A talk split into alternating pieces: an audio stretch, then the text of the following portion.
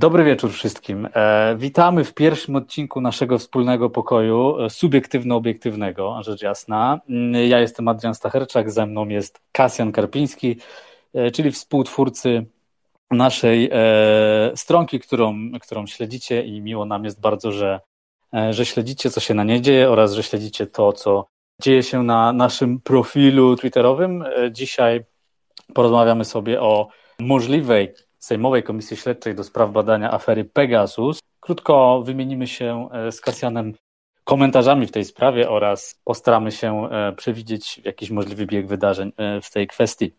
No i tak sobie myślę, Kasjan, że z tą komisją śledczą to jest duży, duże takie oczekiwanie i duże nadzieje się z nią wiąże. Przeciwnicy rządu i ci wszyscy, którzy trzymają kciuki za opozycję, gdzieś tam upatrują w niej takiej szansy na wywrócenie tej sceny politycznej naszej w Polsce.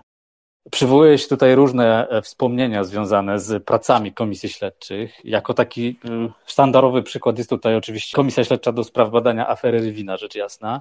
I, I to, jak ona e, swego czasu przeorała tę scenę polityczną w Polsce.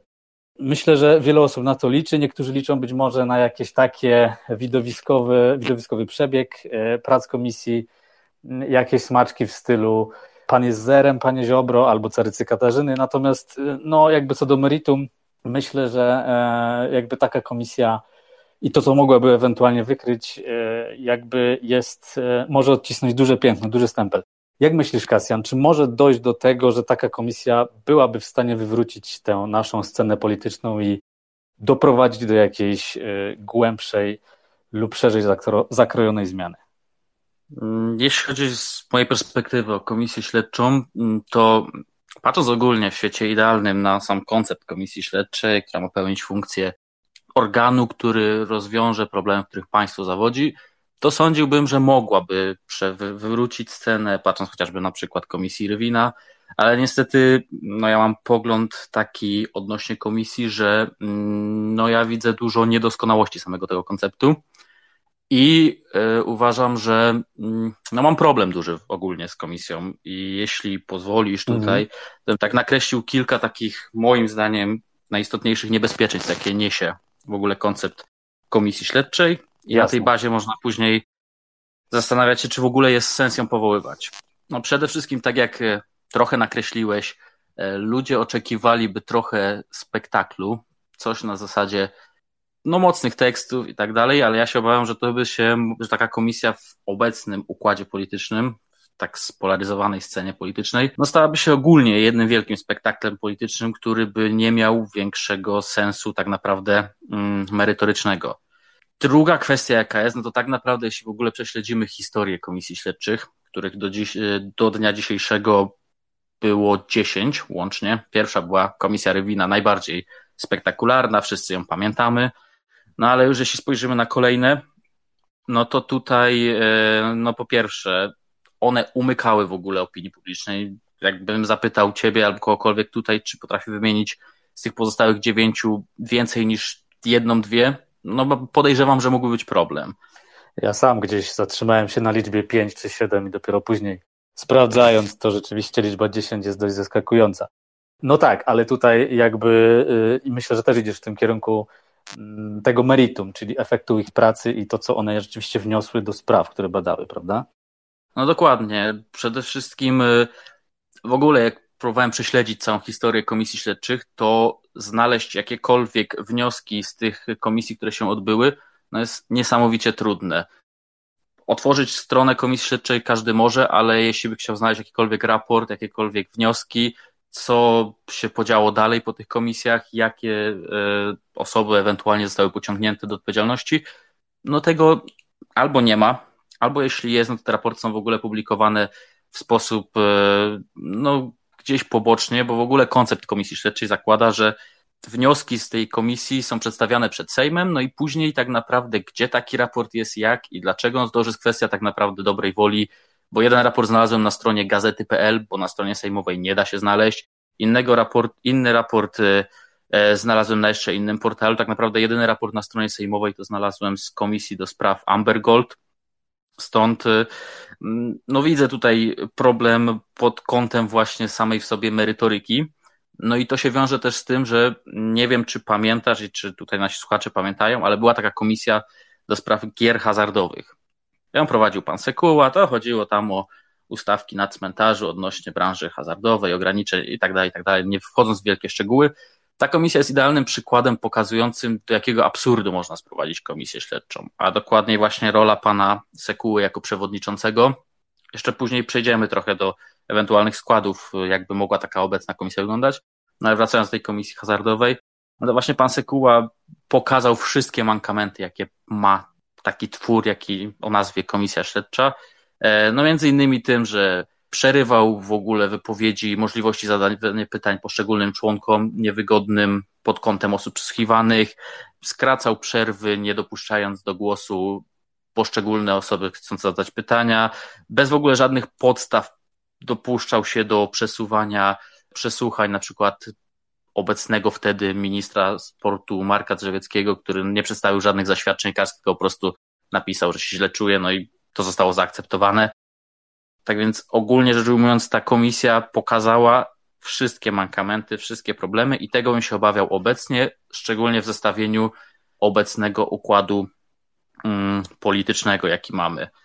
No i jeszcze jest jedno zagrożenie dość istotne, o którym trochę się nie mówi, bo się mówi tak tylko, żeby jak najszybciej ją powołać, jak najszybciej ją powołać, ale ustawa o komisjach śledczych mówi jasno, że prace komisji trwają maksymalnie do zakończenia kadencji. No i tutaj już patrząc na zakres, jakim ta komisja ma się zajmować, to ja mam duże wątpliwości, czy po pierwsze ona by ukończyła swoje prace, a jeśli nie ukończy, no to też nie przedstawia żadnego raportu, po prostu się kończy z dniem, tym, z dniem e, wyborów. Po drugie jest zagrożenie ciągle przedwczesnych wyborów. No i tutaj no, tematyka jest, e, nie wiem jak się na to zapatrujesz, no ale z mojej strony jest bardzo dużo znaków zapytania i wątpliwości, czy w ogóle takie coś poza igrzyskami dla ludzi miałoby sens. No, z tego punktu widzenia jest duże ryzyko rzeczywiście, bo ten kalendarz e, wyborczy nasz jest taki trochę niestabilny i śliski, jak to się mówi, więc e, przy obecnym układzie, czy nawet zakresie prac, jaki, jaki ta komisja chciałaby też objąć e, swoim działaniem, no jest to na pewno jakieś duże ryzyko zabrnięcia i utknięcia na jakimś etapie przekopywania się przez dokumenty, czy, czy powoływania kolejnych, kolejnych świadków. E, słusznie wspomniałeś e, w swoim wywodzie, że, że dużo też zależy jakby od personaliu i składów, tak? I tak naprawdę jak spojrzymy sobie też na, na te wcześniejsze komisje, no to sporo może też zależeć od tego, tak jak się to mówi, no, że komisja jest upolityczniona, tak? Czyli została powołana przez jakieś tam e, grono, żeby dokonać jakiejś akcji politycznej, tak? Na przykład załóżmy mm, te środowiska związane z poprzednią władzą mogłyby za taką uważać komisję do spraw Amber Gold, która E, gdzieś tam na tamtej poprzedniej władzy usiadła i próbowała e, jakby dokonać e, jakiegoś, jakiegoś takiego samosądu poprzez, poprzez pracę komisji. Myślę, że tutaj zmierzamy w stronę tego, jak taka komisja mogłaby wyglądać, ale też trochę wspomnimy teraz o tym, o tych najnowszych doniesieniach, które troszeczkę moim zdaniem kładą się cieniem na tej komisji i w ogóle stawiają jej pracę mm, w takim kształcie, w jakim ostatnio myśleliśmy, że może ona powołać. Chodzi mi tutaj oczywiście o Pawła Kukiza e, i te dzisiejsze doniesienia e, Michała Kołodziejczyka o tym, że Kukiz mógł coś wiedzieć w sprawie podsłuchów już wcześniej e, i inwigilacji tegoż jegomościa, który to dziś przed Komisją Senacką zeznał, iż Paweł Kukiz już wcześniej informował go o tym, że może być w kręgu, w kręgu służb. Mm, e, jakby skupmy się tutaj na moment wokół Pawła Kukiza, bo on e, jakby przejął trochę inicjatywę w całej tej narracji wokół niego się to kręci. No I może wróćmy trochę do początku, cofnijmy się. Czy w ogóle uważasz Pawła Kukiza za mm, godnego przewodzenia pracy takiej komisji, czy według Ciebie jest to dobra kandydatura? Bo e, mieliśmy też taką prywatną rozmowę na ten temat i, i, i ja sam gdzieś też w mediach społecznościowych napisałem, że chyba nie do końca się z tym zgadzam, a a jakie jest Twoje zdanie? Bo Ty chyba jednak byłeś, byłeś trochę po innej stronie. Może niekoniecznie, że po innej stronie, tylko mój koncept jest taki, że ja nie do końca skreślam tę kandydaturę. Nie zakładam z automatu, że to musi być aż taki zły pomysł z kilku przyczyn. No I takimi podstawowymi przyczynami jest to, że no, z Pawła Kukiza zrobiło się e, no, największe zło, największego sprzedawczyka, co jest, tak by the way, o tyle problematyczne, że ciężko w ogóle udowodnić, jaki on frukta mm, zyskuje ewentualnie na bazie współpracy z PiSem. Tak, Ale... cały czas to jest gdzieś tam sfera e, jakby domysłów czy, czy założeń. Dokładnie, to jest, to jest, y, zarzuca mu się korupcjogenność i że będzie chodził na pasku PiSu i że to jest tak naprawdę oddanie PiSowi komisji i tak dalej, i tak dalej. No ja się tutaj nie zgadzam z tego powodu, że o Pawle Kukizie można powiedzieć dużo, bardzo dużo złego, ale nie można mu e, odmówić tego, że od samego początku, jak się pojawił w polityce, on się uparł na kilka swoich pomysłów. Jowy, e, tam zmiany w ordynacji i tak dalej, i tak dalej, sędziowie pokoju, wiele różnych pomysłów. W pewnym momencie to się stało aż memogenne. Cokolwiek, gdziekolwiek się nie pojawiał, to ciągle tylko powtarzał o tym, ale z drugiej strony, tak naprawdę przez te 7 lat on ciągle o tym powtarza i szuka osób, z którymi mógłby współpracować. Wydawało się, że z PSL-em będzie mógł. Koniec końców, no, rozeszło się o kasę, nie udało się, rozeszło się. Składał tą propozycję różnym ugrupowaniom na opozycji i ciągle się spotykał z odbiciem, że, mm, że nikt nie jest zainteresowany. Poszedł do PiSu, PiS się zgodził, ale to nie znaczy, że on będzie realizatorem woli PiSu w każdej kwestii bo tak jak gdzieś usłyszałem takie fajne zdanie, prawdopodobnie w, w jednym z podcastów politycznych, tak naprawdę o Pawle Kukizie możemy powiedzieć jedno, że jego najwię, największą przewidywalnością w kontekście Kukiza jest jego nieprzewidywalność oraz to, że jak się już uprze czegoś, no to będzie tego w to brnął, a więc jak on się uprze, żeby być, żeby wyjaśnić tą komisję śledczą, no to nie sądzę, że to będzie na zasadzie realiza realizacji woli PiSu, tylko po prostu faktycznie będzie chciał to w jakiś sposób rozwiązać. Ale reasumując, czy uważam, że to jest kandydatura idealna? Oczywiście, że nie. To nie jest kandydatura idealna. Na pewno są lepsze, no ale obecnie jego propozycja tak naprawdę jest jedyną, która leży na stole. A jakie jest Twoje zdanie w tym temacie? Tak, rzeczywiście, no jest to jakby najbardziej konkretna propozycja, która leżała na stole przez ostatni tydzień lub dwa. E, natomiast mocno zastanawiam się rzeczywiście nad tym, czy, czy, czy te doniesienia, o których też wspomniałem, nie, nie przechylają tej szali jednak e, na jego niekorzyść, ponieważ no też uważam mniej więcej to, co ty, że on szukał tego swojego miejsca i tak jakby e, to wystąpienie, e, ten wyskok z przewodniczeniem komisji śledczej, myślę, że był taką kolejną próbą właśnie, jak to się modnie mówi, znalezienia tej podmiotowości i odciśnięcia swojego piętna. Jakie są jego intencje e, rzeczywiste czy podprogowe? Nie wiem, ponieważ jakby zgodzę się z tym, co powiedziałeś. Jedyne co, to, co pewne w jego przypadku jest to, że nic nie jest pewne. E, dlatego ja osobiście nigdy do końca nie ufałem e, mu jako politykowi i, i gdzieś tam jakby starałem się z dużą rezerwą podchodzić do jego czynów. Wszystko zależy. Nawet jeżeli Michał Kołodziejczak troszeczkę mm, przekoloryzował swoją wypowiedź, to wiemy, jakie są e, media, opinie publiczne i, i e, różnego rodzaju nośniki. Tak? One są chłonne jak gąbka, wciągają te wszystkie plotki, pomówienia, założenia.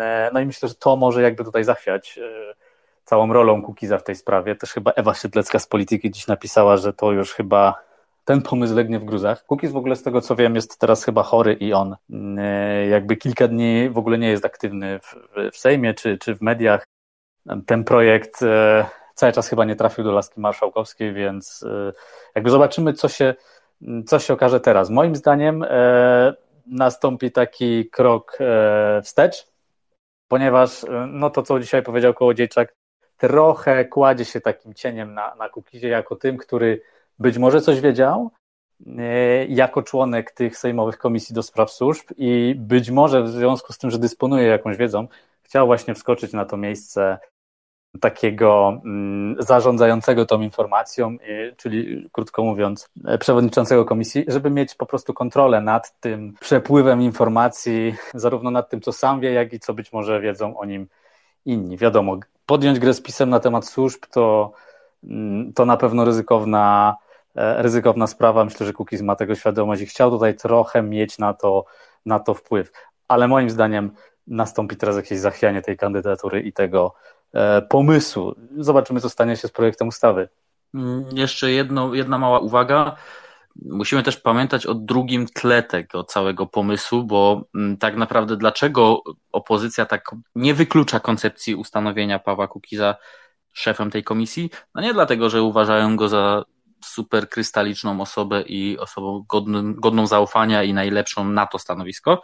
Tylko pamiętajmy, że przede wszystkim tej komisji nie chce PiS. Prezes jak ognia nie chce tej komisji z doświadczenia i tak dalej. A więc jeśli prezes tego nie chce, a udałoby się wyciągnąć Pawła Kukiza do tej komisji, no to to jest niejako pod rozbicie tego paktu Kukiza z PiSem, czyli osłabienie większości i tak już kruchej PiSu, a więc w ostatecznym rozrachunku doprowadzenie do wyborów wcześniejszych.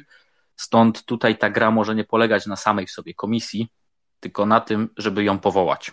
Nie na tym, co ona zrobi, tylko żeby doprowadzić do powołania jej, a wtedy to może zburzyć e, koncept e, współpracy Kukiza z PiSem.